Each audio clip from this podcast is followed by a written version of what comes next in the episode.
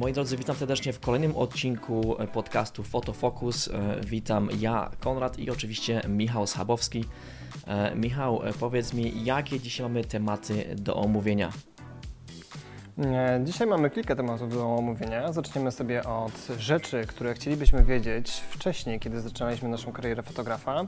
Porozmawiamy sobie o takiej małej burzy, która wybuchła w internecie. Chodzi o zmianę systemu przez ambasadora Sony. Zacznijmy może od pierwszego tematu, którym e, są rzeczy, o których e, chciałbym wiedzieć wcześniej, czy chcielibyśmy wiedzieć wcześniej jako, jako, jako fotografowie. E, rzeczy, które chcielibyśmy się może dowiedzieć od kogoś, kto już tym siedzi dłużej dlatego że wiem, że to jest e, dość dużym problemem dla e, wielkiej ilości ludzi, zwłaszcza dla osób z mojej społeczności fotograficznej Snayera, ponieważ e, są w niej jest, jest, jest duża, ilość amatorów. I nie tylko oczywiście, ale większość z tych ludzi właśnie szuka takich porad, takich informacji. I myślę, że warto o tym porozmawiać, dlatego że nie tylko amatorom się to przydaje, ale też ludziom, którzy może się nie zetknęli nawet z informacjami, które e, dzisiaj poruszymy, czy, czy z e, pomysłami na rzeczy, które mogą ułatwić nam życie.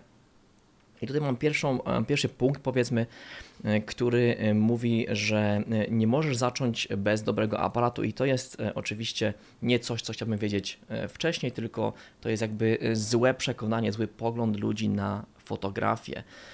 Ja osobiście jestem zdania, że e, fotografia zaczyna się wtedy, kiedy robisz pierwsze zdjęcie, a nie wtedy, kiedy kupisz e, lepszy aparat.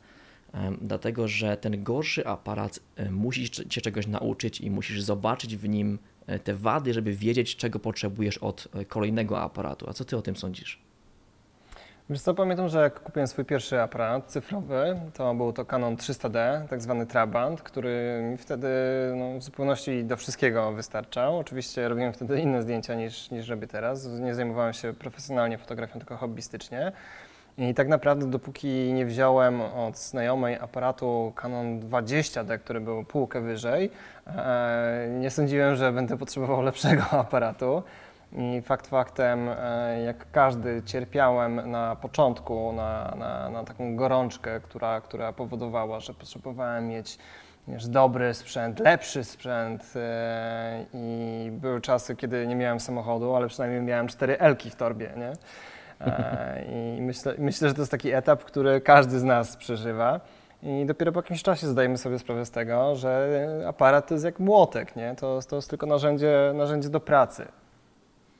Tak, dokładnie tak. E, I powiem Ci, że to e, przekonanie, że musisz mieć więcej i lepszy sprzęt i że bez sprzętu nie da się e, robić nic dobrego, się rozciąga do nawet do dzisiejszego dnia, kiedy może nie tak biegam za aparatami, ale staram się mieć na przykład na wyjazdach bardzo dużo sprzętu ze sobą i nigdy go nie używam oczywiście, to jest taka, powiedzmy, analogia do tego e, właśnie, co na początku myślą amatorzy. Ja też tak myślałem oczywiście. Każdy, e, jakby kto, kto zaczyna przygodę z fotografią, ma takie przekonanie, że robię słabe zdjęcia, ponieważ mój aparat nie umie tego albo czegoś innego.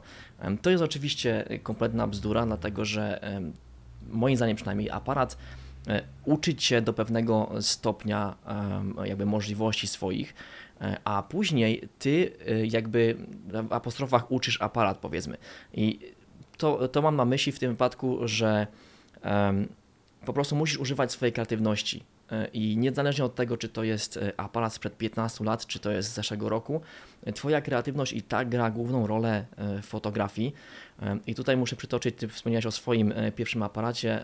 Ja też, też, też pochwalę swoją pierwszą lustrzanką. To nie jest mój pierwszy aparat, ale pierwsza lustrzanka i to jest e, Nikon D5100, tam na, tam, czekaj, tam, na półce leży, gdzieś w tym miejscu. I do teraz jest sprawny, całkowicie sprawny, oczywiście nieużywany od e, długiego czasu, ale muszę przyznać, że nauczył mnie wszystkiego, co wiem o fotografii, a później nowe modele tylko jakby dopracowywały te, te umiejętności, e, ale cały ten proces polegał na tym, że kreatywność właśnie była za, za kółkiem, że tak powiem. No tak, bo przeszkody, które musimy pokonać, sprawiają, że uruchamia nam się większa kreatywność. Zgadza się. E, I tutaj kreatywność też e, jakby w, w, wprowadza cię w taki e, stan rozumienia swojego sprzętu, że tak powiem. Troszkę to dziwnie zabrzmiało, ale w pewnym momencie Twoja kreatywność to już nie jest wystarczająca ilość możliwości Twoich, powiedzmy. Tak możesz użyć, powiedzmy, zasłony od prysznica jako dyfuzora. Tak możesz zrobić sobie, powiedzmy, dyfuzor do, do flasza z jakiejś gąbki, ale jest moment, kiedy na przykład e, starasz się e, zrobić zdjęcie czegoś, co jest bardzo daleko, no i tu już twoja powiedzmy 24 e, do 70 szkło na, na tym pierwszym aparacie, ten, ten obiektyw kitowy już nie daje rady po prostu. Więc przychodzi taki moment, kiedy ty widzisz, czego potrzebujesz od tego aparatu, nie sądzisz? Tak, dokładnie tak jest. Myślę, że też e, w trzecim temacie, czy tam, przepraszam, w drugim, poruszymy sobie troszeczkę szerzej ten temat, czyli ograniczenie, które stwarza nam sprzęt. Ale no, pamiętam, że zanim w ogóle kupiłem swój pierwszy aparat cyfrowy w 2005 roku, to byłem zarejestrowany na forum Canona i do końca 2004 roku, mimo że nie miałem aparatu jeszcze, to już miałem nastukane tam ponad 2000 postów. O. I generalnie,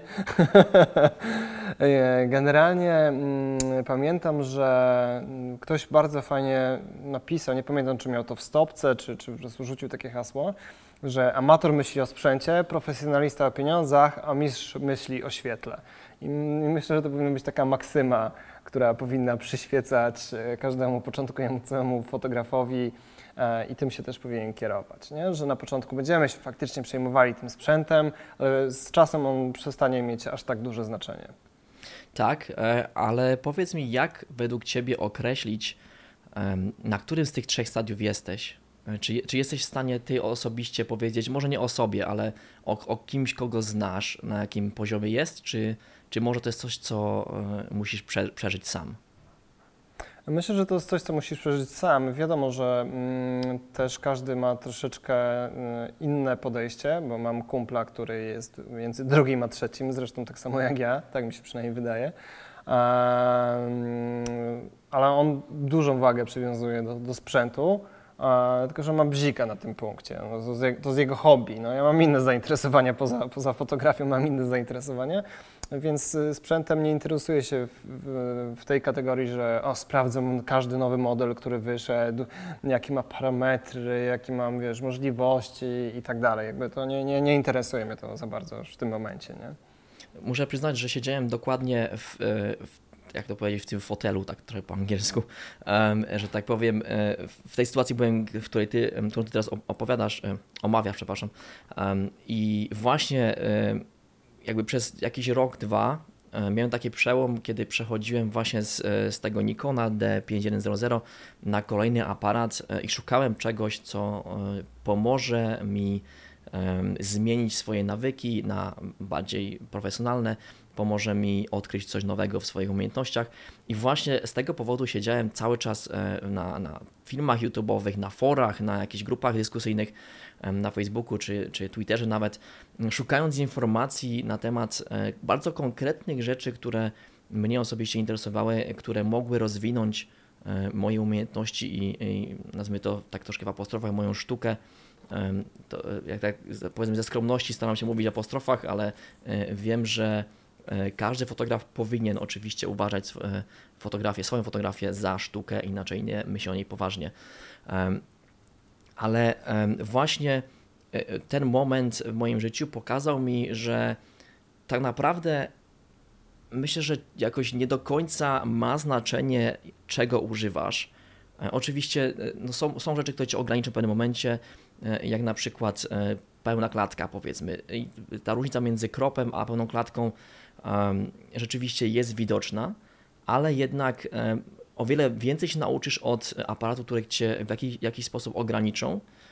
E, dlatego myślę, że jakby warto jakby trzymać rękę na pulsie, ale jednak nie iść z tą falą nowości i może nie kupować koniecznie co roku nowego aparatu.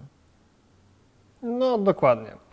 No, a jeżeli chodzi jeszcze o rzeczy, które chciałbym wiedzieć wcześniej, to myślę, że Chciałbym wiedzieć wcześniej, że zawód fotografa to jeden z najbardziej depresyjnych zawodów na świecie. Były kiedyś rankingi przeprowadzane właśnie, były robione rankingi I to był zawód chyba, który był w pierwszej dwudziestce, dlatego że jest wymagający od nas psychicznie, w sensie potrzebujemy dużo, dużo kreatywności, e, a zarazem potrzebujemy też e, dużo takiego biznesowego obycia, e, a jedna z drugą rzeczą troszeczkę się wykluczają. Do tego jest ciągła walka o, o, o zlecenia, o, o klienta. Plus no, jeszcze dochodzi fakt taki, że z reguły fotografowie to są osoby, które są dosyć wrażliwe, więc są podatne na to, żeby, żeby dostać, dostać depresji. Aczkolwiek mimo, jeżeli nawet posiadłbym taką wiedzę wcześniej, to, to ja chyba jednak robiłbym dalej to, co robię teraz. Wiesz co, myślę, że może nie szedłbym aż w, e, w kierunku de depresji, jeśli chodzi o fotografię. No chyba, że ci rzeczywiście bardzo nie idzie. to jest różnie, nie? Ale, e, e, ale jest coś, co rzeczywiście może mieć na to duży wpływ. Mianowicie zawód fotografa jest bardzo samotnym zawodem. Dlatego, że no, ty musisz robić te zdjęcia, ty jesteś tą osobą, która o, o wszystkim musi pomyśleć i nikt za ciebie nie będzie kreatywny, więc to jest duża presja. E, a dodatkowo jakby nawet mając firmę fotograficzną, e, ty dalej jesteś odpowiedzialny za te zdjęcia jako fotograf główny powiedzmy.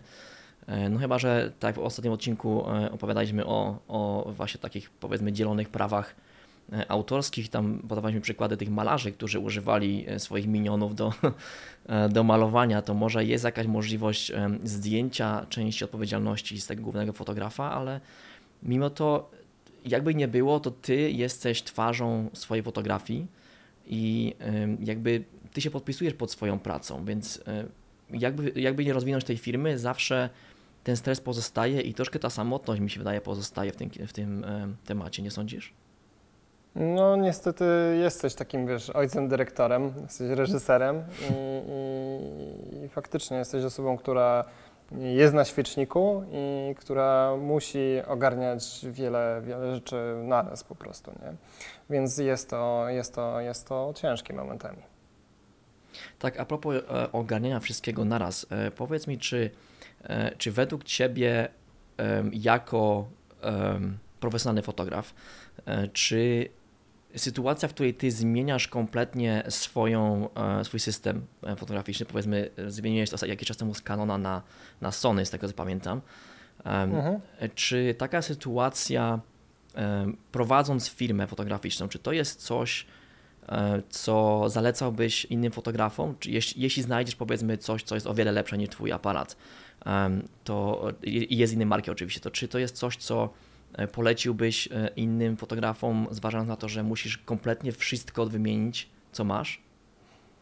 Mm, wiesz co, trzeba mieć konkretny powód, żeby, żeby to zrobić. Myślę, że w tym drugim temacie też sobie to, to bardziej rozwiniemy, no ale generalnie jeżeli e, e kupujemy sobie aparat, jeżeli jesteśmy w jakimś systemie, mm, Pamiętam, że jak kiedyś robiłem śluby, to miałem znajomego, Adama Czcionka, który co chwilę zmieniał systemy.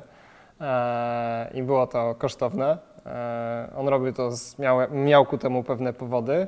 E, z kolei dla mnie to było takie trochę niezrozumiałe, w sensie kupowanie aparatu co rok, nowego systemu, dlatego że pojawił się nowy, lepszy model, a za rok, za kolejny rok zmieniał z powrotem na poprzedni system, bo w tym czasie ta firma wypuściła nowszy, lepszy model od tego konkurencyjnego i to były takie zmiany, zmiany wahania. E, no jeżeli ktoś, ktoś, ktoś tego lubi, ma, ma budżet i chce się co chwilę uczyć obsługi nowego aparatu, nowej, przyzwyczaić się do, do nowej ergonomii, no to, to, to spoko, ale myślę, że generalnie e, takie zmiany systemu co chwilę są, są, są nie, niepotrzebne. Wszyscy, wszyscy producenci jeżeli mówimy o danych przedziałach budżetowych, robią bardzo podobne aparaty. Będą oczywiście jakieś różnice, ale to, co ten aparat będzie wypluwał z siebie, a to jest najważniejsze, będzie generalnie takie samo. Wiesz co, to, to jest właściwie jeden z punktów, o których chciałem e, wspomnieć wcześniej, że e, w, w przypadku fotografii, moim, że tak powiem, skromnym zdaniem, nie ma żadnego znaczenia, czym fotografujesz, e, chyba że jest jakaś ogromna różnica pomiędzy na przykład masz 12 megapikseli, a 65 na przykład. Tak, jest jakiś tam mhm. Sony co to jest Alpha, coś 4S czy coś takiego, nie pamiętam dokładnie modelu, to, ale są, to, to, to są R-ki od Sony, czyli R-ki, R tak. od Resolution i e, to są, to są aparaty z matrycami Mhm. w dużych rozdzielczościach.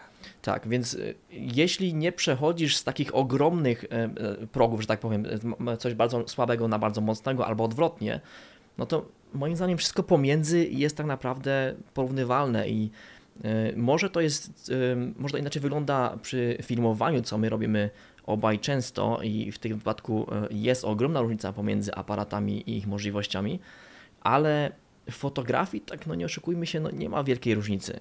Wszystko zależy od szkła tak Mhm. naprawdę.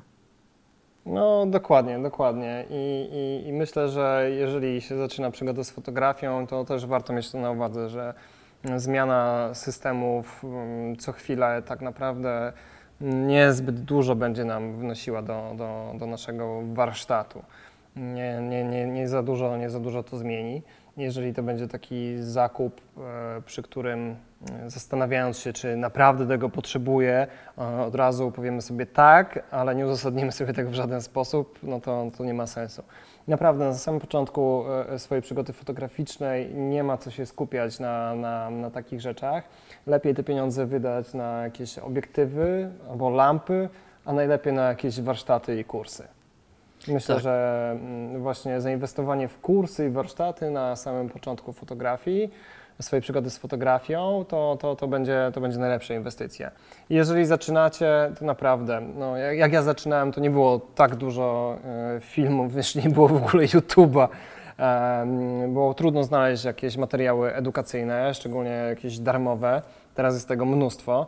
E, I chodzenie w tamtych czasach na warsztaty miało naprawdę bardzo dużo, dużo sensu, ale w dalszym ciągu, mimo że mamy dostęp do darmowej wiedzy, to, to, to chodzenie na warsztaty, gdzie spotykamy i poznajemy dużo ludzi, e, to jest, to, jest, to jest naprawdę bardzo dobra inwestycja. Tak, i tutaj poruszyłeś coś bardzo ważnego, dla mnie przynajmniej, e, mianowicie często słyszę od, od widzów, e, zwłaszcza na, na transmisjach na żywo, czy podczas transmi- transmisji na żywo, że starają się znaleźć kurs, który e, ich czegoś nauczy, jednocześnie em, nie zbankrutują przez niego. E, I to dość często się kończy po prostu takim zawodem troszkę, bo, bo płacą duże pieniądze za to widzowie, a kończy się to po prostu takimi podstawowymi informacjami, które i tak znajdziesz gdzieś w internecie. Ale tutaj jest właśnie to, to co powiedziałeś, że poznasz nowych ludzi i dowiesz się, jak oni robią różne rzeczy, których ty może nie umiesz jeszcze robić, albo które robisz inaczej. I myślę, że to e, bardzo mocno rozwija w takim wypadku, e, dlatego że mm, społeczności fotograficzne e, no nie zawsze są takie, ale przynajmniej staram się, żeby Cineiera tak, tak właśnie działała, że wszyscy się powinni wspierać i uczyć się e, nawzajem rzeczy, które, e, które już umieją, które inni mogą umieć, dlatego że, i tu jest nasz kolejny punkt, e, że tak powiem, do omówienia, e, fotografia to nie zawody, e, moim zdaniem przynajmniej, e, ale sam byłem w tej em, takiej sytuacji, kiedy wydawało mi się, że e, jeśli ktoś inny robi zdjęcia lepsze ode mnie, to, to może mi w z jakiegoś powodu gorzej iść, e, co oczywiście jest kompletną bzdurą, ale wiem, że dużo ludzi ma takie przekonanie w głowach, może nawet jeśli e, sobie z tego nie zdają sprawy. No tak, generalnie wiadomo, że taka mała, zdrowa konkurencja e, pomaga, ale pamiętajmy o tym, że zawsze znajdzie się ktoś lepszy, zawsze znajdzie się ktoś tańszy i to nie powinny być powody, które będą nas po prostu dołowały. Nie? E, Działa, działa to na, generalnie na każdym etapie naszego fotograficznego życia, więc warto sobie to zapamiętać już jak najwcześniej. Nie? Zawsze znajdzie się ktoś lepszy i nie ma się co porównywać, tylko po prostu ewentualnie w takim wypadku już bardziej inspirować niż, niż dołować. Tak, tak, dokładnie. A e, dodatkowo tu mi przychodzi do, do głowy, y, nie wiem kto to powiedział, e, pewnie jakiś Konfucjusz. ale- Churchill. Tak, może Churchill, ale, ale em, y, jak to było geniuszem, czy, czy mistrzem nie jest ten, kto wie wszystko, tylko ten, kto wie, czego nie wie. I to jest bardzo, e, bardzo ważne zdanie, którym się kieruję dość często, dlatego że jeśli wiesz, czego nie wiesz, e, to wiesz, czego się musisz nauczyć. E, A, a No wiedząc, dokładnie. tak, wiedząc, czego się musisz nauczyć, wiesz, w jakim kierunku iść, więc to jakby samo siebie napędza i uzupełnia. I to jest bardzo moim zdaniem przynajmniej przydatne fotografii, dlatego że to jest ciągły rozwój. Fotografia się nigdy nie zatrzymuje w jednym miejscu. Nawet jeśli próbowałeś wszystkich rodzajów fotografii, to e, wydaje mi się, że zawsze jest jakiś kolejny poziom, na który możesz wyjść i, i e, w, jakiś, w jakiś nowy sposób możesz zmienić swoje fotografie. No dokładnie, to jest powód, dla którego lubię fotografię, bo każdego dnia możesz się czegoś nowego nauczyć, e, czy, czy, czy nowej pracy ze światłem, czy nowych jakichś technik, jeżeli chodzi o obróbkę zdjęcia, czy, czy liznąć trochę e, kwestii związanych z, z 3D i ze sztuczną inteligencją. E, jeżeli jeszcze dołączymy do tego kwestię prowadzenia biznesu, to nauczymy się pozycjonowania stron, robienia stron w WordPressie. No, jest, jest mnóstwo, jest mnóstwo nauk, które możemy wyciągać każdego dnia dzięki temu, że się zajmujemy fotografią. I teraz sobie pozwolę przejść do następnego punktu i powiedzieć, że mm, czasem rzeczy, które będziemy robili, po prostu nie będą nam wychodziły i to jest coś, czym się nie powinniśmy zrażać tylko powinniśmy z tego wyciągać, wyciągać naukę. Bo to nie jest tak, że za każdym razem, jak coś będziemy robili, to, to, to, to nam wyjdzie. Nie? Będą sesje, które nam nie będą wychodziły, co nie znaczy, że są one bezwartościowe, bo tak naprawdę nauka, którą dzięki temu liźniemy, że tak powiem, jest e, też wartością samą w sobie.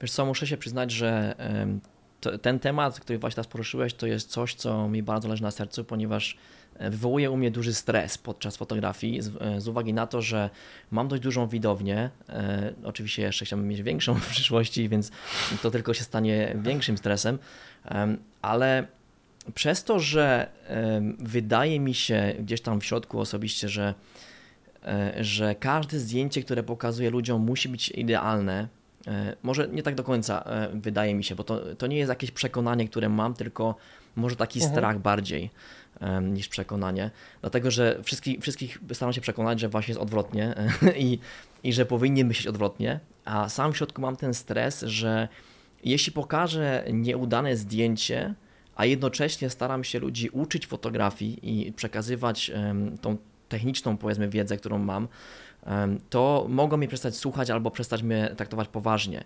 E, co dla mnie jest naprawdę realnym, realnym strachem i dlatego dość często, powiedzmy tak, w ostatniej chwili rezygnuję na przykład z sesji gdzieś e, jakiejś krajobrazowej, powiedzmy. Mm, ale tutaj chciałbym zaznaczyć, że zwłaszcza przy fotografii amatorskiej, Chciałbym, żeby wszyscy e, e, jakby myśleli w ten sposób, i ja też się staram w ten sposób siebie samego przekonać, powiedzmy, tak w apostrofach, uh-huh. żeby nie myśleć, tak jak powiedziałeś, nie myśleć, że wszystko musi być perfekcyjne. Nie każde zdjęcie musi być idealne. Mało tego, ty nie masz obowiązku, e, żeby e, swoimi zdjęciami oblepiać internetu. Ty nie musisz go dodawać na Instagramy, na Facebooki, na jakieś inne Twittery, Vero. E, po prostu fotografia często jest tylko dla ciebie i nie każdy musi mieć jakby tą wielką galerię zdjęć, nie każdy musi we wszystkich zawodach startować.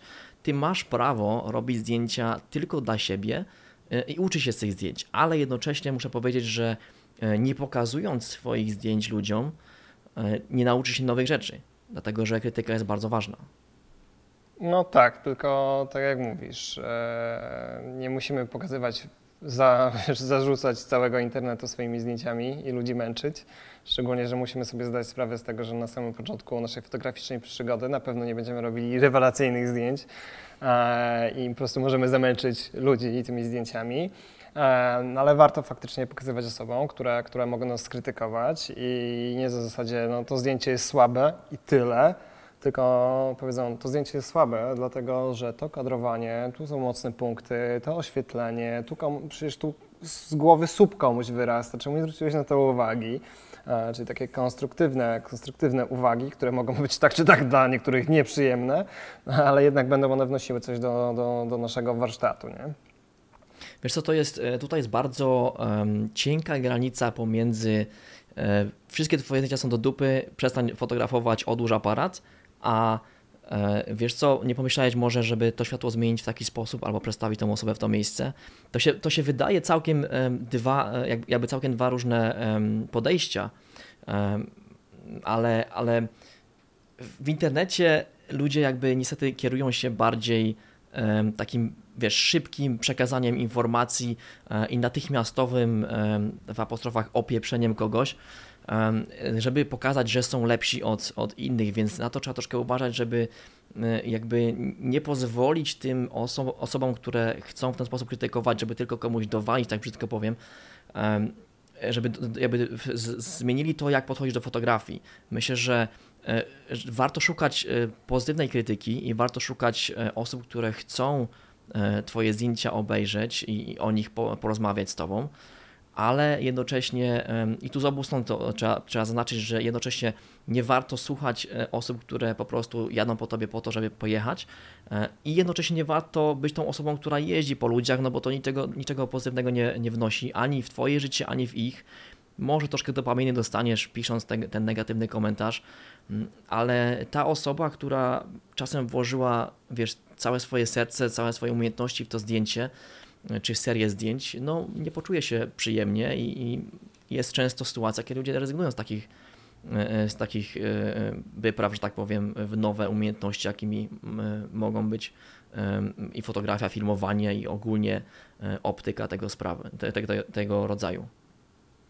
Wiesz co, tak, no, może być sytuacja taka, że wkładasz całe swoje serce i wszystkie swoje umiejętności, a zdjęcie i tak wyjdzie słabe. I jeżeli ktoś cię skrytykuje konstruktywnie, a ty po takim komentarzu zaczniesz się zastanawiać, czy jest sens w ogóle robić to dalej, rezygnuję z tego. To jest tak jak, nie wiem, e, osoba, która zobaczy dwóch całujących się facetów na ulicy i powie, że to obraża jej uczucia religijne, no to, to, to mówi tylko o tym, e, jak ta wiara jest silna nie jest. Mm. Więc jeżeli e, ty, ty, dostaniesz konstruktywną krytykę i zaczniesz się zastanawiać, czy robić to dalej, no to może też warto zastanowić się tak naprawdę nad swoim nastawieniem i zaangażowaniem, bo będziemy dostawali cięgi z lewej strony, będziemy dostawali cięgi z prawej strony, e, ale musimy się nauczyć odróżniać zwykły chamski hejt od e, uwag, które no, mogą być nieprzyjemne, ale które jeżeli ich posłuchamy, pozytywnie wpłyną na nasz rozwój jako fotografa czy filmowca. Wiesz co, to mi ten temat bardzo przypomina, nie wiem czy słyszałeś o Rickim Gervaisie, nie wiem czy dobrze wypowiadam no nazwisko, Kom komediant. W każdym Uwielbiam. razie, tak, no, fajny, fajny gościu, e, Anglik. I w jednym z jego stand-upów e, powiedział coś bardzo e, interesującego, co no, mi zapadło mocno w pamięć, nawet kilka osób e, kopiowało ten żart. Troszkę też, też tutaj skopiujemy, ale nie, nie dosłownie, więc mam nadzieję, że nie, nie, nie zaskaży. ale powiedział, że na przykład na Twitterze, on często na Twitterze się wypowiada i tam jest taka troszkę taka, takie podejście do, do tweetów, że każdy bardzo szybko właśnie wypowiada swoje zdanie, często negatywne i to się właśnie kończy gównoburzą, ale jeśli idziesz ulicą i widzisz w sklepie powiedzmy cenę nie wiem, kawy, która kosztuje dwa razy tyle, co, co gdzie indziej, no to nie wbiegasz do sklepu i nie krzyczysz po, sprzedaw nie krzyczysz po, sprzedawcy, że jak on mógł taką cenę dać, tylko po prostu nie wchodzisz, no. nie kupujesz, prawda? No, dokładnie. Więc to samo się dzieje w internecie y, i moim zdaniem powinni ludzie do tego tak podchodzić, że czy jeśli widzisz coś, co ci nie podoba na ulicy, to wchodzisz i, i drzesz japę po, po sprzedawcy, czy po, nie wiem, artyście, który coś zrobił, czy po prostu przechodzisz i idziesz dalej. E, wiesz, możesz coś pomyśleć w, e, w głowie swojego, czy nawet szepnąć do, do żony czy męża, ale, ale myślę, że nie warto komuś psuć dnia, dlatego że tobie osobiście coś się nie podoba. No tak, wiele osób zapomina o tym, że posiadanie opinii nie oznacza e, tego, że trzeba od razu ją wiesz, wyrażać. No tak jak wiesz, no, tak. można, można zjeść własnego stolca, ale czy musisz go jeść? A jeszcze był jedno, jedno e, jakieś powiedzenie tego e, Rikiego chyba, czekaj.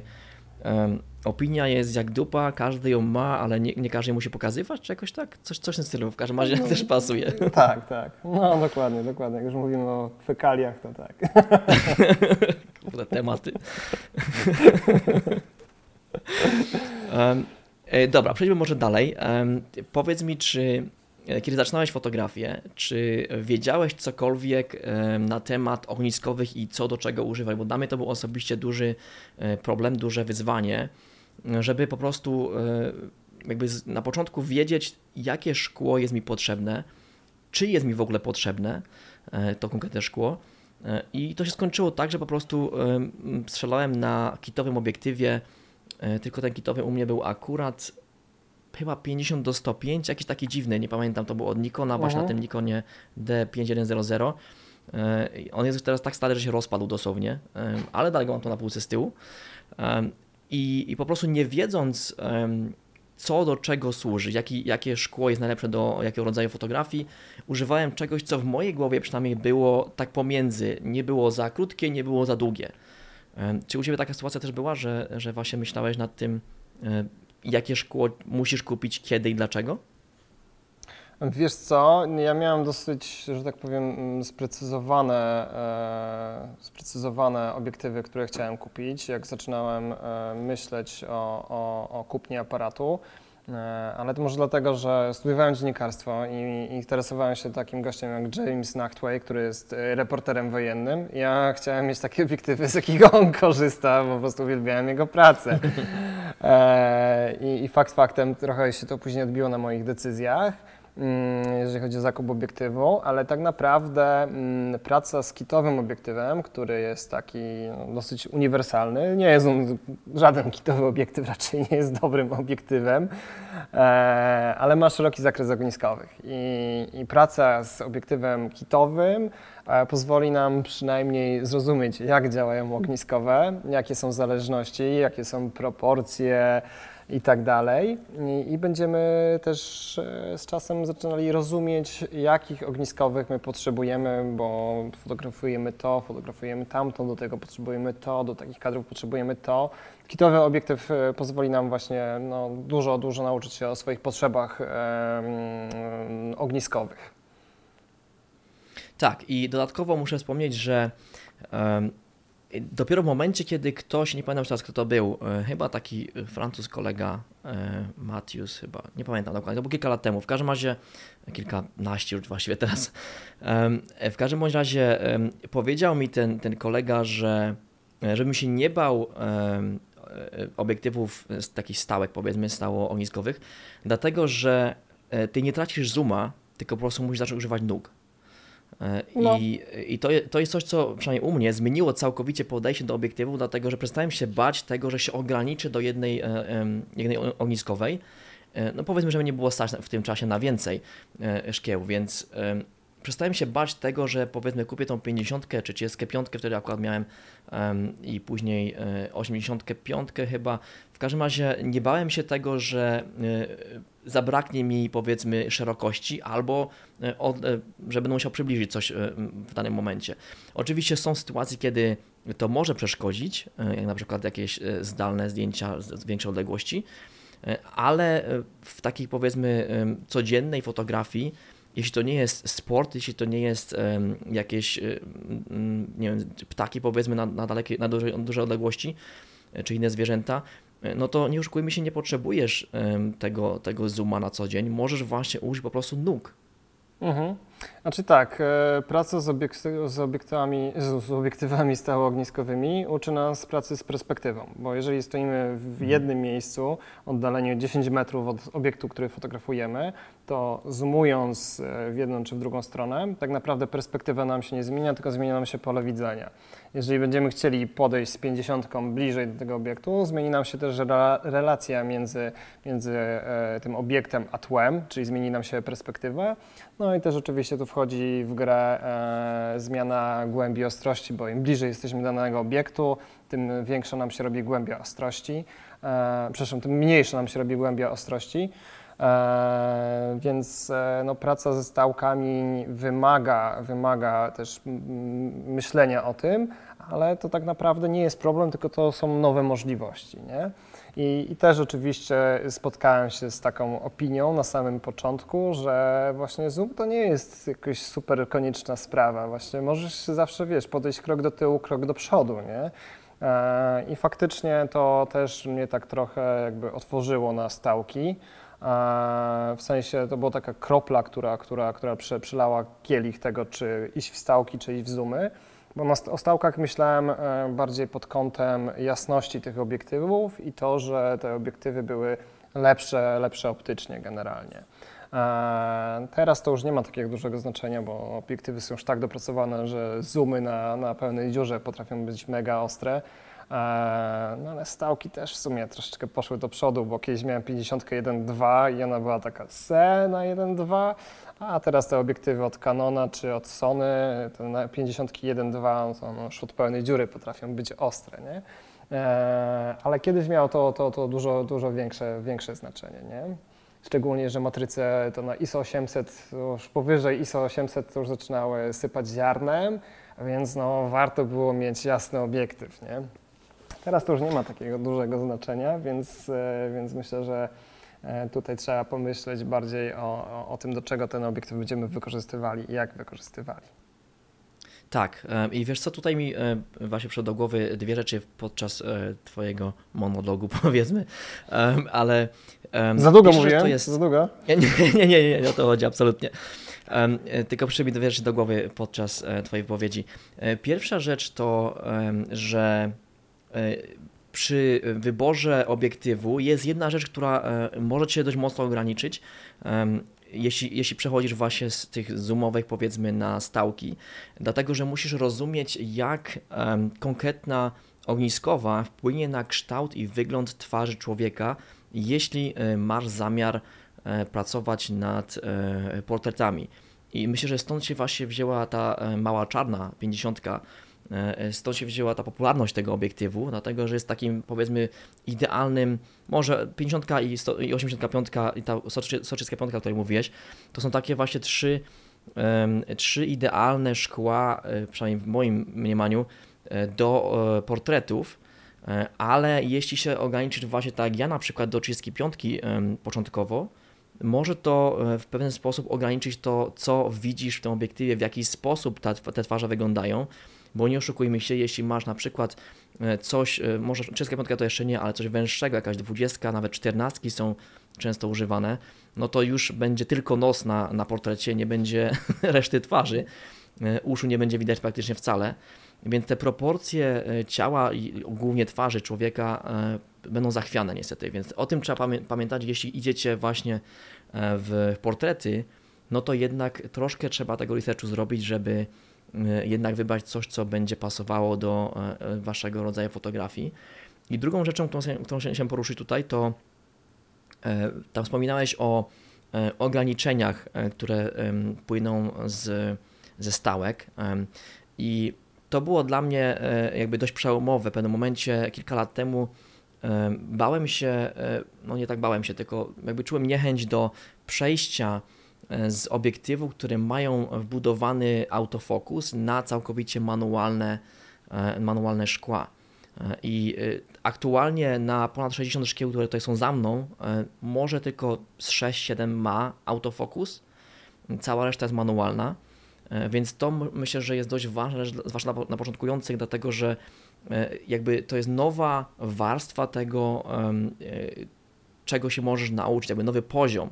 Więc nawet z tym samym aparatem, nawet z tym pierwszym Nikonem D5100 możesz się nauczyć czegoś całkiem nowego, używając e, szkieł, które Cię jeszcze bardziej ograniczą. W tym wypadku mówię właśnie o takiej bardziej retro, e, u nas w społeczności to nazwa złomki, mm, więc takie stare obiektywy, które po prostu e, bardzo mocno wpłyną na to, jak używasz tego szkła i swojego aparatu, nauczą Cię ogromną ilość na temat Twojej fotografii.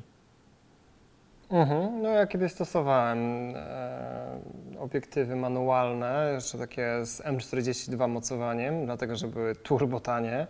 Mm, w tym momencie no to obiektywy e, w takie full manualne, e, no to raczej przy filmowaniu, e, przy robieniu zdjęć aparatem, no to, to, to już tak mm, nie bardzo. E, ten autofokus jednak mnie rozpieścił i sprawia, że, że już nie chcę wracać do manualnego ostrzenia, bo jeszcze kilka dobrych lat temu, jak fotografowałem e, Canonem piątką, dwójką, to autofokus tam był tak słaby, że po prostu zamocowałem sobie matówkę precyzyjną i ostrzyłem, ostrzyłem większość manualnie, i to robiąc reportaże. Ale jednak nie, chciał, nie chciałbym do tego wracać, bo obecny autofokus pozwala na tak precyzyjne wyostrzenie na oku i tak dużą powtarzalność, że no, że, że dla mnie w tym momencie nie ma sensu, e, jeżeli chodzi o powrót do szkieł manualnych, chyba że mówimy o jakichś specyficznych szkłach, e, przykład Heliosie 85, który ma swirly bokeh i tak dalej. Ewentualnie jest dużo teraz chińskich producentów, którzy robią 50 0,95 i inne, inne takie śmieszne, dziwne, dziwne szkła no to, to wtedy ma to sens. I teraz bezlusterkowce pozwalają nam na dużo wygodniejszą w sumie pracę z manualnym obiektywem niż, niż lustrzanki, nie? bo możemy sobie włączyć focus picking, możemy sobie włączyć powiększenie w danym punkcie i manualne obiektywy są naprawdę w tym momencie fajnym pomysłem na rozszerzenie swojego portfolio, że tak powiem, na rozszerzenie sobie tej półeczki z obiektywami i możemy tanim sposobem e, pozyskać fajne, fajne obiektywy i, i na nich pracować. Tak, dokładnie tak. E, tutaj większość e, moich obiektywów to jest albo coś, co dostałem od ludzi tutaj lokalnych w miejscowości, w której mieszkam, albo jakaś aukcja na eBayu, gdzie kupiłem na przykład 20 obiektywów na raz, czy tam 15, z czego wyrzuciłem powiedzmy połowę, bo nie nadawało się na nic, ale większość z nich właśnie dostaniesz bardzo tanio. I muszę przyznać, że to jest rzeczywiście coś, co nauczy Cię jako początkującego ogromną ilość e, o fotografii, dlatego że musisz wszystko kontrolować. E, I to się też wiąże troszkę z tematem e, przejścia na tryb manualny, czego też wiem, że się ludzie bardzo boją na początku. Mm, też byłem w tym, w tym, w tym miejscu, kiedyś w tym stadium, powiedzmy, mm, kiedy dopiero kupiłem pierwszy aparat i pierwszy aparat może z możliwością przejścia na, na tryb manualny z automatycznego, bo wcześniej były jakieś tylko, jak się nazywają te małe kompakty, o, kompakty mhm. E, i przed nimi jeszcze miałem e, na film, tak jak teraz są na Amazonie te, te takie jednego użytku, gdzie wysyłasz potem no, jednorazowe, no. Tak. E, więc w momencie, kiedy właśnie dostałem tą możliwość, troszkę się broniłem, szczerze mówiąc, przed przejściem na na tryb manualny, ale to było na samym początku, kiedy jeszcze nie wiedziałem nic, szczerze mówiąc, o fotografii. To było naście lat temu, e, tak naprawdę.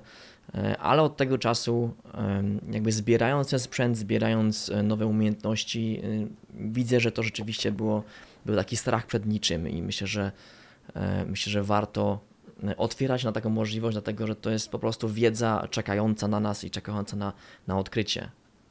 No dokładnie, dokładnie. Dobra. E, to może przejdźmy do kolejnego tematu. Tak, e, no. do tematu czy ostatniego punktu tego tematu? E, punktu, punktu jeszcze. Dobra, mhm. ostatnim punktem jest kwestia tego, że mamy pewne reguły fotografii i trzeba się zastanowić nad tym, kiedy te reguły można zacząć łamać bo to jest popularne hasło właśnie, że reguły po to są, żeby je łamać i ma to dużo prawdy, z tym, że trzeba pierwsze poznać te reguły, żeby móc je zacząć łamać świadomie, bo dopiero wtedy tak naprawdę ma to sens.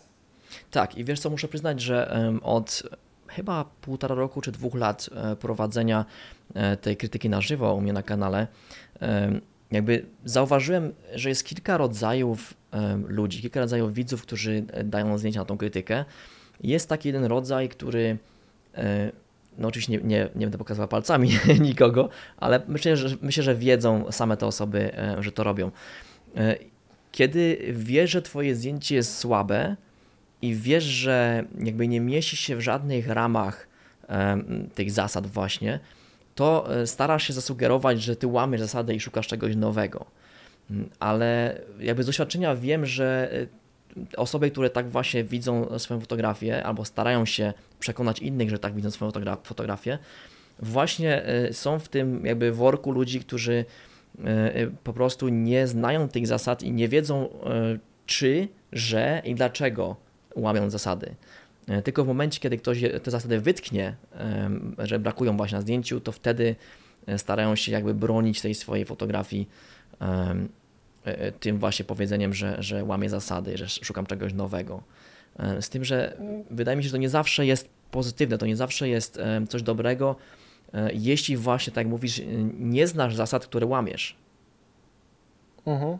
Mhm. No dokładnie, jeżeli mamy świadomość istnienia danej zasady i łamiemy ją z jakiegoś powodu w, w celu osiągnięcia pewnego celu, no to, no to jaha, działamy, nie?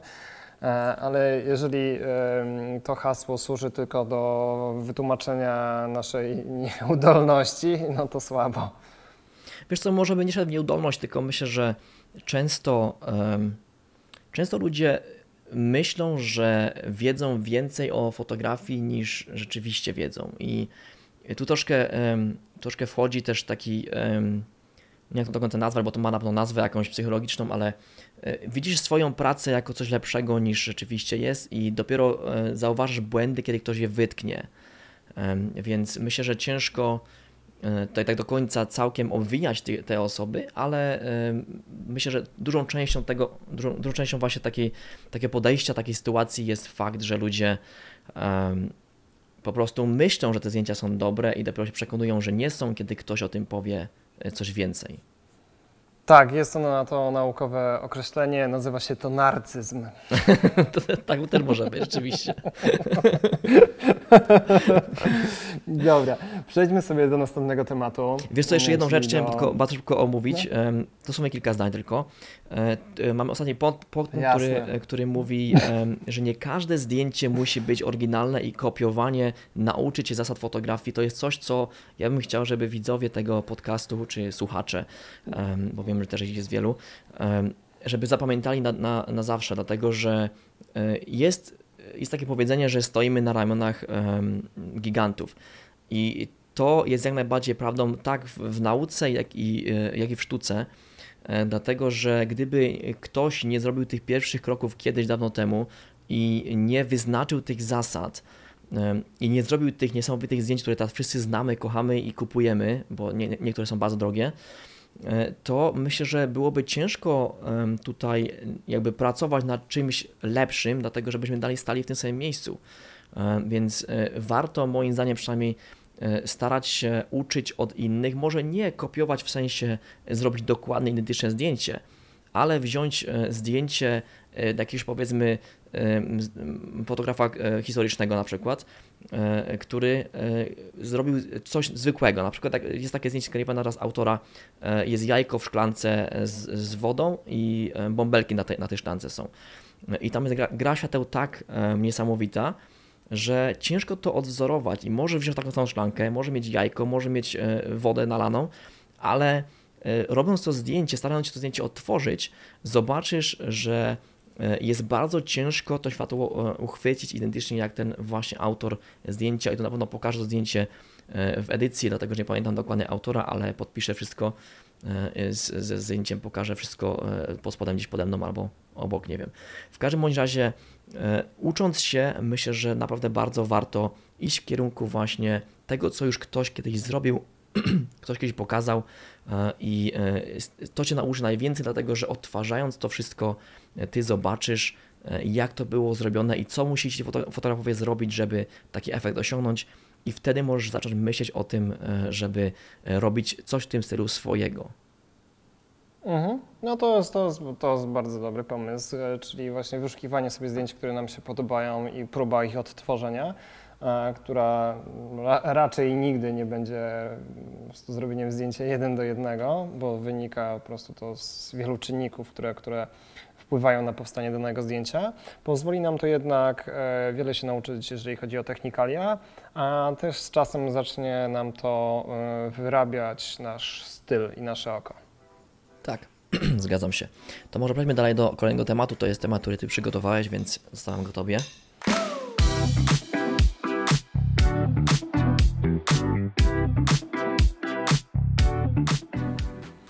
No, jest to, jest to e, temat, który jest troszeczkę już poruszony w poprzednim punkcie, e, czyli jest to temat dotyczący Glena, Glena Davisa, który ja to wyszukałem informacji w internecie, to, to, to, to znalazłem info, że jest on ambasadorem Sony. Ty mi przed nagraniem powiedziałeś, że, że chyba jednak tak nie jest, więc uznajemy to za nieweryfikowaną, nie, niezweryfikowaną na ten moment informację, którą pewnie dodamy, nie wiem, w komentarzu, e, w opisie, czy faktycznie tak jest, albo w komentarzu chyba. E, w każdym razie mm, Glenn Davis jest, e, jest ambasadorem Sony i dostał on od Canona mm, e, R5 i kilka obiektywów, e, które testował sobie przez tydzień.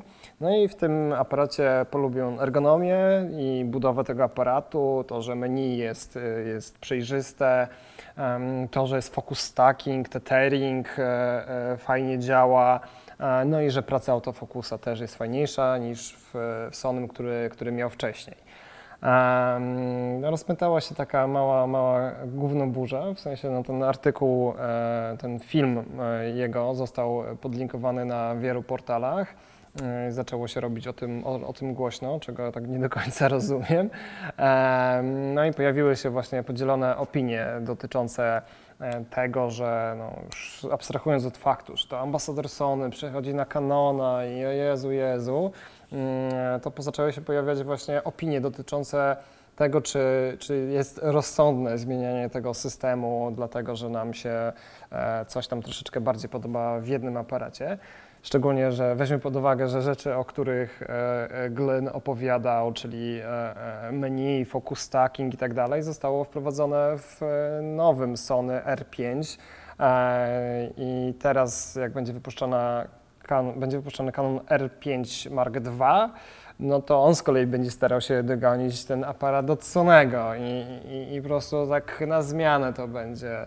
Czyli ci wypuszczą lepszy aparat, za rok ci wypuszczą lepszy aparat i tak dalej. E, Było dużo ludzi, którzy oczywiście e, pisali o tym, że, że, że to, jest, to jest bez sensu, ale też były głosy ludzi, którzy, którzy totalnie no, rozumieli to, że no, jeżeli coś ci tu nie pasuje, no to jak najbardziej trzeba, trzeba to zmienić.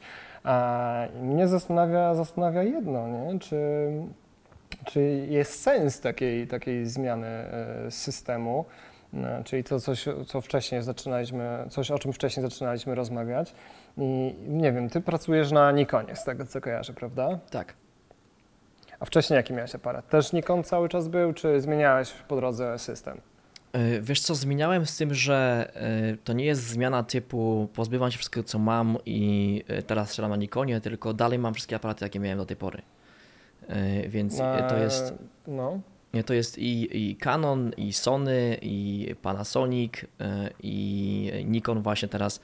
Więc wszystkie te aparaty dalej mam, z tym, że używam właśnie tylko Nikona, mm, ale e, powiem szczerze, że nie do końca widzę sens w takiej ogromnej zmianie, jak właśnie Glyn tutaj sugeruje. Nie, nie do końca wiemy, szczerze mówiąc, czy zmieni e, tak naprawdę, ale ewidentnie się mu spodobała ta nowa RK. Ale tam muszę przyznać, że nie do końca chyba zrobił research, tak ty też sugerowałeś, nie do końca zrobił taki research e, pełen, jeśli chodzi o możliwość tego aparatu, dlatego że e, tam e, zauważyłem, że w tym filmie, który też podlinkuję w opisie, mówił o kilku rzeczach, jak na przykład, że ta e, R5 e, wszystko, wszystkie ustawienia, wszystkie przyciski ma tam, gdzie mają być i on nie musiał nic zmieniać, a pod koniec filmu po, po, powiedział, że musiał dołożyć dołożyć guzik e, funkcyjny, czy tam ustawić guzik funkcyjny na to, żeby przełączyć się z, e, z filmu na, na zdjęcia. I to jest właśnie coś, cze- czego brakuje w tym aparacie, e, więc jakby nie wiem, czy nie zauważył tego, czy, czy nie. Dodatkowo on tam wspomniał, że e, nie widzi większej różnicy pomiędzy zdjęciami na swoim Sony a, e, a tym Canonie. Po pierwsze, jeśli nie widzisz różnicy, to dlaczego zmieniasz? E, A po drugie, jeśli do, temu filmowi przyjrzysz, to jest ogromna różnica. E, Nie wiem, czy to jest różnica w jakości na tym, e, na, na filmie, na YouTubie, ale ja przynajmniej osobiście widzę wielką różnicę pomiędzy tymi dwoma zdjęciami, m, dlatego że przynajmniej wydaje się, że Sony ma rzeczywiście więcej detali w tym wypadku. Nie oszukujmy się, ma 20 megapikseli więcej, więc siłą rzeczy musi mieć więcej detali, ale tak troszkę mi to, e, że tak powiem, delikatnie zajechało opłaconą opinią, ale mogę się mylić. E, Lubię, lubię Glyna i myślę, że jest, jest w porządku e, twórcą, w porządku fotografem i youtuberem. Myślę, że, e, że nie dałby się skusić tak łatwo. E, Co tam, o tym sądzisz? E, No jest troszeczkę tak jak mówisz, czyli jego uzasadnienia też właśnie nie do końca trzymają się, się kupy, e, ale szczerze mówiąc, no, ja mam to gdzieś, w sensie Dla mnie to jest, tak jak mówiłem na samym początku, jest to tylko narzędzie i ja je wymieniam wtedy, kiedy może mi nie wystarcza lub potrzebuję do danej pracy inne narzędzie. Nie? Bo nie wiem, czym ty się kierowałeś wybrając aparat, który teraz masz i co by musiało się zadziać, żebyś go wymienił na inny model? Wiesz co, w moim przypadku to był ogromny research i e, w momencie przynajmniej, kiedy ten aparat wyszedł, to też było wprowadzenie mocowania typu Z e, i szkła były typu S. Mhm.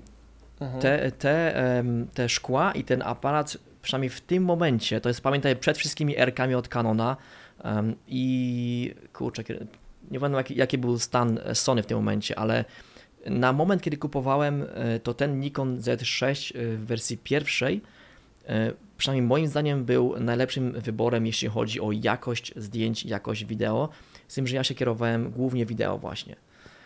Dodatkowo szkła, które mogłeś zakupić, czy dalej możesz zakupić z tym, z tym aparatem, czy z tą serią aparatów właśnie, bo jest już chyba teraz 4 czy 5, są najostrzejsze ze wszystkich możliwych, jakie znalazłem do tej pory, no chyba, że coś nowego wyszło od tego czasu, mm, ale te szkła serii właśnie S na mocowaniu Z mają tak wielkie to mocowanie, że jest niesamowita ostrość nawet we wszystkich e, rogach e, zdjęć, gdzie często jest właśnie miękko. Więc dla mnie to było e, właśnie jakby główny, główny powód zmiany to było właśnie no raz, że ograniczenie mojej możliwości, a dwa E, w, wypadku tego e, konkretnego aparatu, który kupiłem wtedy, to był Z6 w wersji pierwszej, teraz mam w wersji drugiej jeszcze i Z7, to właśnie ta ostrość i, e, i w tym czasie najwyższa pozycja jakościowa na, na rynku. Z tym, że bardzo szybko oczywiście wyszły mhm. i nowe Sony, i nowe Panasoniki, nowe Canony, Także e, dużo. E, A innych... później, wyszły, później wyszły znowu nowe Nikony, które były lepsze niż te chwilę wcześniejsze Panasoniki i Sony i to po prostu tak. wiesz. Tak, to jest niekończący się wyścig. Niekończący się także... wyścig, no. I to się no nie skończy. Dla mnie... Tak, oczywiście, że się nie skończy. Nie? Ja na przykład e, e, zmieniałem system, dlatego że mieliśmy wtedy taki bardzo na rynku duży przeskok, czyli że pojawiły się bezlusterkowce, które naprawdę dawały radę, nie? I to był, ja siedziałem wtedy na e, piątkach, trójkach i, i one mnie denerwowały pod kilkoma względami, dlatego że po 100 tysiącach e, e, zdjęć e, no, ta klatka, w której jest całe lustro, zaczynała łapać luzy, więc ten autofokus, który był taki był, E, te punkty były dosyć, dosyć w środku, one, one mi nie wystarczały. Do tego zaczynały właśnie te, te wszystkie mechanizmy łapać luzy. Trzeba było to wysyłać na serwis, żeby to podokręcali, więc, e, więc to, to, to, mnie, to mnie irytowało. E, irytowało mnie to, że no, pojawiał nam się straszny banding, wychodziły różne przebarwienia i ziarno, jeżeli wyciągaliśmy coś z ścieni. E, I to były dwa, dwa, główne powody, bo było jeszcze ich kilka drobniejszych. To były dwa główne powody, dla których zmieniłem, zmieniłem aparat na Sony A7 III, który wtedy wyszedł. To był świeżutki aparat. I co dziwne, Elki, które miałem e, do Canona, na Sony przez przejściówkę od Sigmy chodziły mi lepiej na Sony niż chodziły mi na Canonie, e, gdzie więc miałem lepszy autofokus, e, miałem dużo lepszy, lepszy obrazek z tej matrycy, mm, więc no to był bardzo, bardzo dobry, dobry wybór. E, ale teraz, kiedy jest pełno właśnie już e, konkurencji, czyli bezlusterkowców, które mają bardzo podobne autofokusy, matryce bardzo podobnie się zachowują, no to wiem, że będę zmieniał aparat, no to będę raczej zmieniał na Sony, pewnie R5, e, bo w tym momencie brakuje troszeczkę e, rozdzielczości przy fotografii, którą się zajmuję. No i faktycznie to menu, no się do niego przyzwyczaiłem, ale to był miły dodatek, lepszy wizjer na pewno, E, focus stacking e, czy, czy, czy bezprzewodowy tethering, no to są rzeczy, które są dla mnie akurat ważne i które, które mi się przydają e, w codziennej pracy. Mm, więc no, będę wymieniał aparat nie dlatego, że mam jakąś taką fanaberię, tylko dlatego, że w tym aparacie, który mam, dostrzegam już pewne ograniczenia, które zaczynają mi powoli przeszkadzać. E, to widzę, że masz konkretne powody. Powiem Ci szczerze, że tak myślałem o tych rzeczach, które wymieniałeś e, na podstawie tych Nikonów, których używam e, i, i tak od początku jest w nich połączenie Wi-Fi, więc możesz i telefonem połączyć i chyba z komputerem, chociaż ja tego akurat nie używam, więc tethering chyba jest. Tam wspomniałeś, czekaj, o czym mówiłeś jeszcze? O focus stacking. Szczerze, na tych Nikonach nie używam go w ogóle, przynajmniej nie automatycznego, mimo tego, że jest tam wbudowany, dlatego że nigdy, może ja coś robię źle, ale nigdy mi nie działał. Zawsze robił zdjęcia i nigdy ten fokus się nie przesuwał. I możesz ustawić na przykład zdjęć 30 e, do zrobienia, czy tam powiedzmy 130, a on i tak zrobi 6. Więc albo, mm. albo ja coś robię źle, albo coś jest e, z, z oprogramowaniem, e, co nie pozwala na to. Z tym, że znowu ja to zazwyczaj robię manualnie, więc nie do końca jest to dla mnie przeszkodą, ale wspomniałeś wcześniej o tym, co by się musiało stać. Um, ja, przepraszam, ja myślę, hmm? że robisz to źle. Tak, tak uważasz? tak, no 100%. 100%. Może tak rzeczywiście jest. Um, ale wspomniałeś o tym, um, co by się musiało stać, żebym ja zmienił aparat. E, myślę, że niewiele, dlatego że. ale nie, nie dlatego, że, że po prostu mam wiesz, kasę, żeby szastać nią na wszystkie strony. Nie jest, to nie jest wymówka, żeby kupić coś nowego, ale są drobne rzeczy, które E, mi osobiście przeszkadzają. I przeszkadzają mi dlatego, że używam tych aparatów do filmowania głównie, więc w momencie, kiedy na przykład aparat będzie w stanie nagrywać w wewnętrznie, e, w momencie, kiedy mogę włożyć czy podłączyć dysk SSD bezpośrednio do aparatu, to jest dwa, i w momencie, kiedy ten aparat e, nie będzie miał żadnego ograniczenia długości nagrywania, jak chyba jest w, w R5 w wersji drugiej, z tego co, co się orientuję, to te trzy rzeczy są jakby głównymi programy, programami dla mnie, które sprawiłyby, żebym wszystko wymienił na, na ten aparat, który to potrafi. Natychmiast. Mhm. E, ja, ja sobie... Ale to chyba nie ma takiego aparatu. W sensie Słucham? chyba wewnętrznie RAW to chyba tylko ten Nikon Z9 nagrywa mhm. i chyba procesują się w tej sprawie z Redem, bo Red ma patent na nagrywanie wewnętrzne RAWów. Tak, no i to jest właśnie troszkę przeszkoda w tym wypadku, jeśli chodzi o rozwój aparatów. Moim zdaniem nie powinni być w stanie, znaczy może tak, sposób e, tego zapisu czy, czy przetwarzania tych plików, ok, e, jest, jest unikalny do konkretnych marek i do twórców, ale myślę, że sam fakt, że możesz to robić, nie powinien podlegać e, patentowi. Moim skromnym zdaniem, nie czy do końca tak to działa, no ale... To jest, wiesz, to są trole patentowe, nie? Tak, tak. E, w tym, w tym momencie. I jest w sumie wiele, wiele takich przykładów na rynku, ale sobie darujemy złośliwości. Tak. I tutaj masz e, taki podpunkt, jak ważnym narzędziem w Twojej pracy jest aparat i czy jest najważniejszy. No i tu właśnie, no tak, jest najważniejszy, owszem, z tym, że e, dla mnie e, aparat to jest kamera. Nie oszukujmy się, ja filmuję, no filmuję o mhm. wiele więcej, więc i tak mówiłem wcześniej dodatkowo, ciężko mi to e, opisać, żeby nie sprawić, żeby ludzie pomyśleli, że ich sprzęt nie ma znaczenia, ale tak całkiem szczerze, to wydaje mi się, że nie ma absolutnie żadnego znaczenia, czym robisz zdjęcia, dlatego że te zdjęcia mają jakby ten efekt końcowy i tak jest obrabiany, więc y, ty zmieniasz dość mocno te, te fotografie, tak czy inaczej, niezależnie od tego, czego używasz. Oczywiście nie mówię o tym, że, że i telefon, i aparat będzie miał tą samą, te same możliwości, ale jeśli jesteś mniej więcej w, w podobnym przedziale cenowym, powiedzmy, y, no to nie zmieni się nic, nie oszukujmy się naprawdę. To, to, to są zmiany takie typu, tak jak mówiłem wcześniej, że z 20 megapikseli na 60, to tak, zobaczy wielką różnicę, ale jeśli masz powiedzmy 24 i zmieniasz na 26, no to nie zobaczysz żadnej różnicy. Nie oszukujmy się, to nie ma kompletnie e, żadnej zmiany w jakości tych, tych zdjęć. E, możliwości są prawie takie same we wszystkich aparatach, więc dla mnie przynajmniej osobiście e, aparaty przede, przede wszystkim kamerą, więc myślę, że możliwości nagrywania musiałyby się zmienić diametralnie, mhm. żebym ja, ja to zmienił. Rozumiem. Dobra, to myślę, że zamknęliśmy sobie ten temat i możemy przejść do następnego punktu, czyli którym jest zagadka od widzów.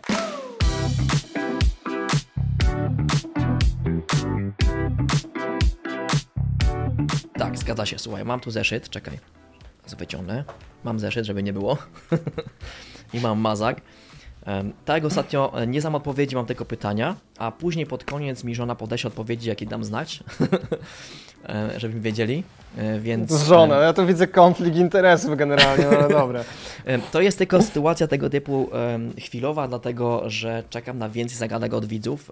W tym, w tym wypadku przygotowała pytania moja żona, dlatego że dopiero był jeden odcinek, więc widzowie może nie wiedzą, że mogą zadawać pytania do podcastu. Ale przejdźmy sobie do pierwszego pytania. I tu mam, e, wydaje mi się, troszkę przewagę, znowu, ale nie znam odpowiedzi, powiem szczerze, nie znam odpowiedzi. E, Pytanie brzmi, e, w roku 1999 e, Andreas Górski, taki niemiecki e, fotograf, wykonał najdroższe zdjęcie świata do tego czasu, czyli później były droższe, ale w tym momencie to było najdroższe No zdjęcie. wiem jakie, no. E, 12 lat później, e, w 2000, 2011 przepraszam, roku, e, zdjęcie zostało sprzedane. Ile kosztowało w dolarach e, i co przedstawiało? To pytanie jest warte dwa punkty. No, e, to jest pytanie otwarte? E, powiemy po- może później, co?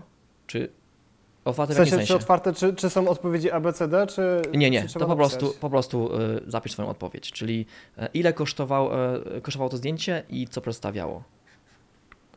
E, Eee, Jezu, czekaj. e, Teraz jest... Szkoda, że nie ma A, B. No, e, mam dwa zdjęcia w głowie, tylko właśnie te lata też. mnie teraz... Eee, mm, mm, mm. To może Dobra, to chyba wiem. Nie, nie, mam, nie mam w- tutaj w, e, w pytaniu, e, nie mam nazwy tego zdjęcia, więc może dajmy dodatkowy trzeci punkt za nazwę zdjęcia, jeśli znasz. A tego taki bonusowy. Mhm. Kurde. E, dobra, nie, zmieniam zdanie, zmieniam zdanie. To, był, to było to. E, Ja mam, mam dwie nazwy w, E, w głowie, tak mówię, dwa zdjęcia mi się kojarzą i nie wiem, która jest Górskiego. Wiem, że jest jeszcze inny facet, chyba chyba Link, Peter Link, ale nie wiem, kto jest zdjęcie kogo, więc... Ja właśnie mam ten sam problem, mam ten sam problem.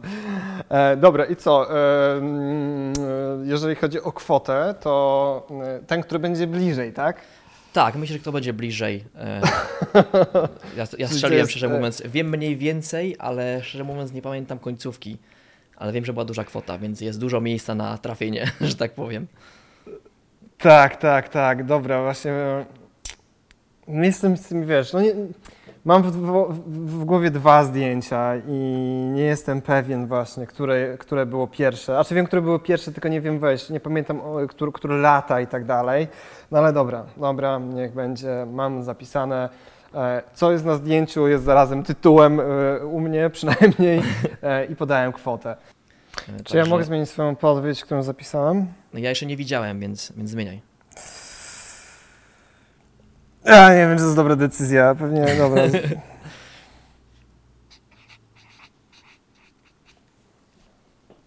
Gotów? No gotów, gotów, no. Dobra, to tu masz odpowiedź. E, przeczytaj, bo nie widzę, szczerze mówiąc. E, ja mam, e, to było zdjęcie pola z rzeką i 31 milionów Okej. dolarów. E, ja mam e, 4 miliony. Nie wiem, czy to jest na prawo, czy na lewo u ciebie, ale 4 O miliony. tak, to o to zdjęcie mi chodzi, tak. No to pole z rzeką, no. E, I to jest rzeka na nim i nazywa się e, Rain. E, Mhm, tak, Znaczy, bo to jest rzeka, to jest ren, ren na zdjęciu, no, no, no, no. e, To o to mi chodziło. Pisze Rain, a nie wiem, czy to się czyta Ren rzeczywiście. Chyba tak, no, bo to było pole z, z rzeką. Tak, no to zobaczymy odpowiedź teraz. Już dostałem, czekaj, muszę kliknąć. Odpowiedź. E, Zdjęcie o nazwie Rain 2, o to nie wiedziałem, że 2 nawet, em, przedstawia rzekę płynącą poziomo e, w polu widzenia, czyli chyba, z tego co pamiętam, to było od prawej do lewej, czy tam To od z, lewej o, do prawej. o, o, o, tak płynęło, nie? O tak. Mhm. E, Pomiędzy płaskimi, zielonymi polami pod zachmurzonym niebem. Takie było puste, z Mhm. tego co pamiętam, to zdjęcie. Tak, tak, tam prawie się nic nie działo generalnie, no. Mhm. E, Zbędne szczegóły, takie jak ludzie e, z psami i budynek e, fabryki, zostały usunięte przez artystę za pomocą cyfrowej edycji. To zdjęcie kosztowało 4 miliony 338 500 dolarów. Czyli ja trafiłem, byłem bliżej o wiele. Ja mam 4 miliony napisane, ale nie wiedziałem, że 388 tysięcy. Ty mówiłeś ile? 30, 30... Przypadek, 31 milionów. Kurde. E, także ja mam punkt za. E, znaczy, ja, ja wziąłem pod gość. uwagę inflację. Ja wziąłem pod uwagę tak, tak. inflację, tak. więc Oczywiście. musimy to przeliczyć. tak na pewno było, oczywiście. E, czy ty, jak, jaką nazwę napisałeś tego? Ja napisałem, ja napi z nazwą nie trafiłem, bo ja napisałem, wiesz, pole, nie? Bo nie hmm. pamiętałem tytułu. Aha, pole okay. z rzeką, ale nie pamiętałem tytułu. Czyli, czyli masz punkt za E, czekaj, to jest 1 do 1 za. E, za to, które, jakie to było zdjęcie? Za cenę. 1, 1 do 0 za cenę, ja, ja byłem bliżej. E, nazwa 1 do 0, tak? Ty miałeś rzeka, napisałeś, tak? No, pole z rzeką, no. No to nie, nie, nie ci mogę zaliczyć, czy? No, raczej, raczej nie, raczej nie. I, I mówię, że rzeka, ja też mam tylko, że rzeka, no to jest na pewno jeden, po jednym punkcie.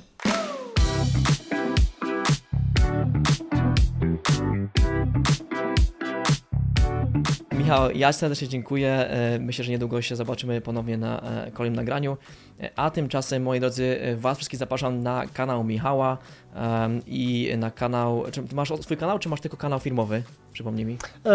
Nie, no generalnie zapraszam na kanał na YouTubie, gdzie możecie dowiedzieć się troszeczkę o pracy gafera, czyli jak pracować ze statywami, z flagami, z ramami, czy z innym takim osprzętem. Tak, ja tam wszystkich Was też zapraszam, e, moi drodzy, e, tym bardziej, że Michał tam fajnie oszukuje, bo ma kolegów, którzy pomagają mu w nagraniach i może mieć więcej kątów, więcej światła, więc fajnie. Nie tak jak ja, 5 na 5 i sam wszystko robię, ale świetny, świetny materiał, naprawdę muszę przyznać, e, Michał tworzycie, więc ja wszystkim polecam Wasz kanał, mam nadzieję, że tam przybędzie Wam troszkę widzów, którzy chcą się czegoś przydatnego nauczyć, bo to jest bardzo ważne, żeby wiedzieć, jak e, działa studio i czego używać w jakiej sytuacji, więc e, to jest świetne miejsce, żeby tego się dowiedzieć. Mm, także Dzięki. jeszcze wszystkim dziękuję. Tobie dziękuję, Michał.